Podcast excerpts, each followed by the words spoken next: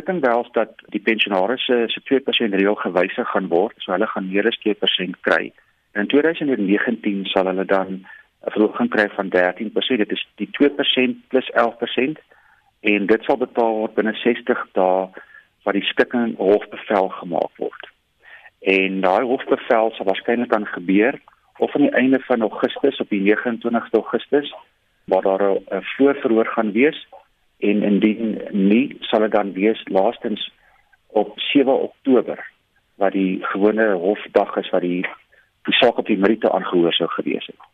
Goed en dan in 2020 kry die pensionaars dan 'n 9%, dit is 2% plus 7% verhoging en dan in 2021 kry hulle 6%, 2% plus 4% en daarna sal daar gemik word om verhogings te gee elke jaar van 70% van inflasie.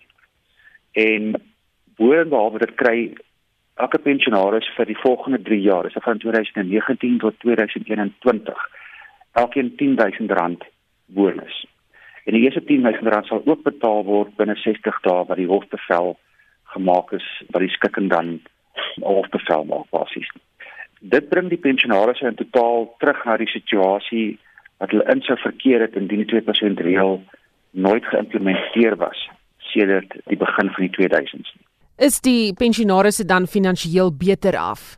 Die skikking is gebaseer op die feit dat hulle dan herstel word in hulle vorige posisie en dat hulle dan vorentoe wel dan 'n uh, normale verhoging sal kry elke jaar wat hulle sal hopelik help om dan 'n beter lewe te kan leef. Hoekom nie hof toe gaan nie? Hoekom skik buite die hof?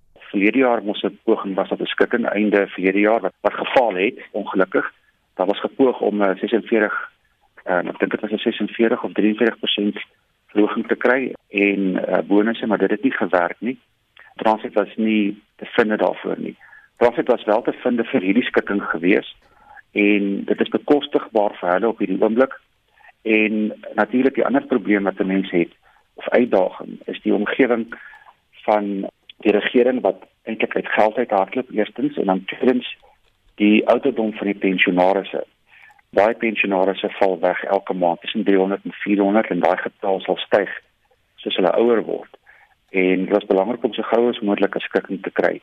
Want as 'n mens by die hof toe sou gegaan het, kan 'n mens nog steeds die groot bedrag gaan eis het. Die 80 miljard rand aanvanklike eis met sy rente. Maar die probleem is al slaag jy in jou eerste saak kan Transnet wel appeleer en daai appel kan tot en met die grondwetlike hof gaan en kan dan nog 'n 5 jaar duur vir daai saak om te finaliseer.